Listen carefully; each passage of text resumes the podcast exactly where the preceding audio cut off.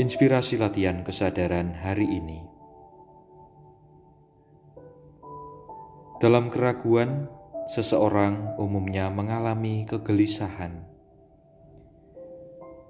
Benar atau tidak, ya? Tepat atau tidak keputusan ini?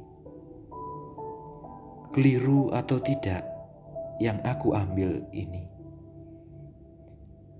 Kira-kira inilah keraguan yang kerap menggelisahkan. Muncul dorongan meminta peneguhan, tetapi tak tahu siapa yang mau dituju. Muncul keinginan untuk meminta saran, tetapi takut malah nanti ditertawakan. Muncul hasrat untuk membawanya dalam doa tetapi bingung bagaimana mendoakannya.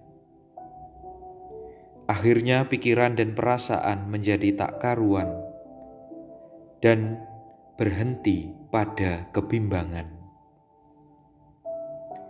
Aku yakin bukan hanya diriku yang pernah mengalaminya, melainkan dirimu juga. Berbagai pertimbangan hadir yang menjadikan kegelisahan tak segera terpecahkan.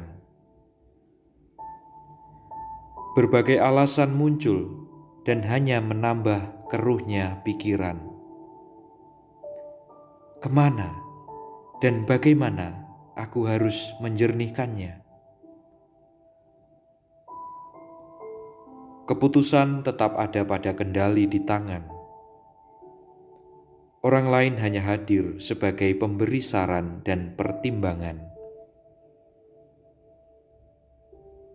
Mereka tak kuasa menentukan setiap pilihan dan keputusan. Meskipun menjadi dilema, tetapi keraguan ini tidak baik menjadi problema. Pastilah ada jalan dalam pesiarahan kesadaran budi dan hati harus berjalan sejalan. Mereka harus diberi porsi serasi, tidak saling berlebihan. Untuk itulah, budi dan hati perlu duduk bersama bersebelahan dan saling mengungkapkan. Budi dan hati bertemu pada saat relaksasi saat Budi mengalami keraguan, tanyakan pada hati. Ada apa di dalam hati nurani? Aku percaya di sanalah akan tumbuh kebijaksanaan. Percakapan budi dan hati menumbuhkan suasana ketenangan. Di dalam ketenangan, di situlah hadir jawaban yang membawa kepastian. Bagaimana konkretnya harus aku lakukan? Latihan kesadaran kali ini membimbingku dan dirimu untuk mengadakan percakapan rangkap tiga. Maksudnya apa? Percakapan bersama Maria, percakapan bersama Yesus, dan percakapan bersama Bapa.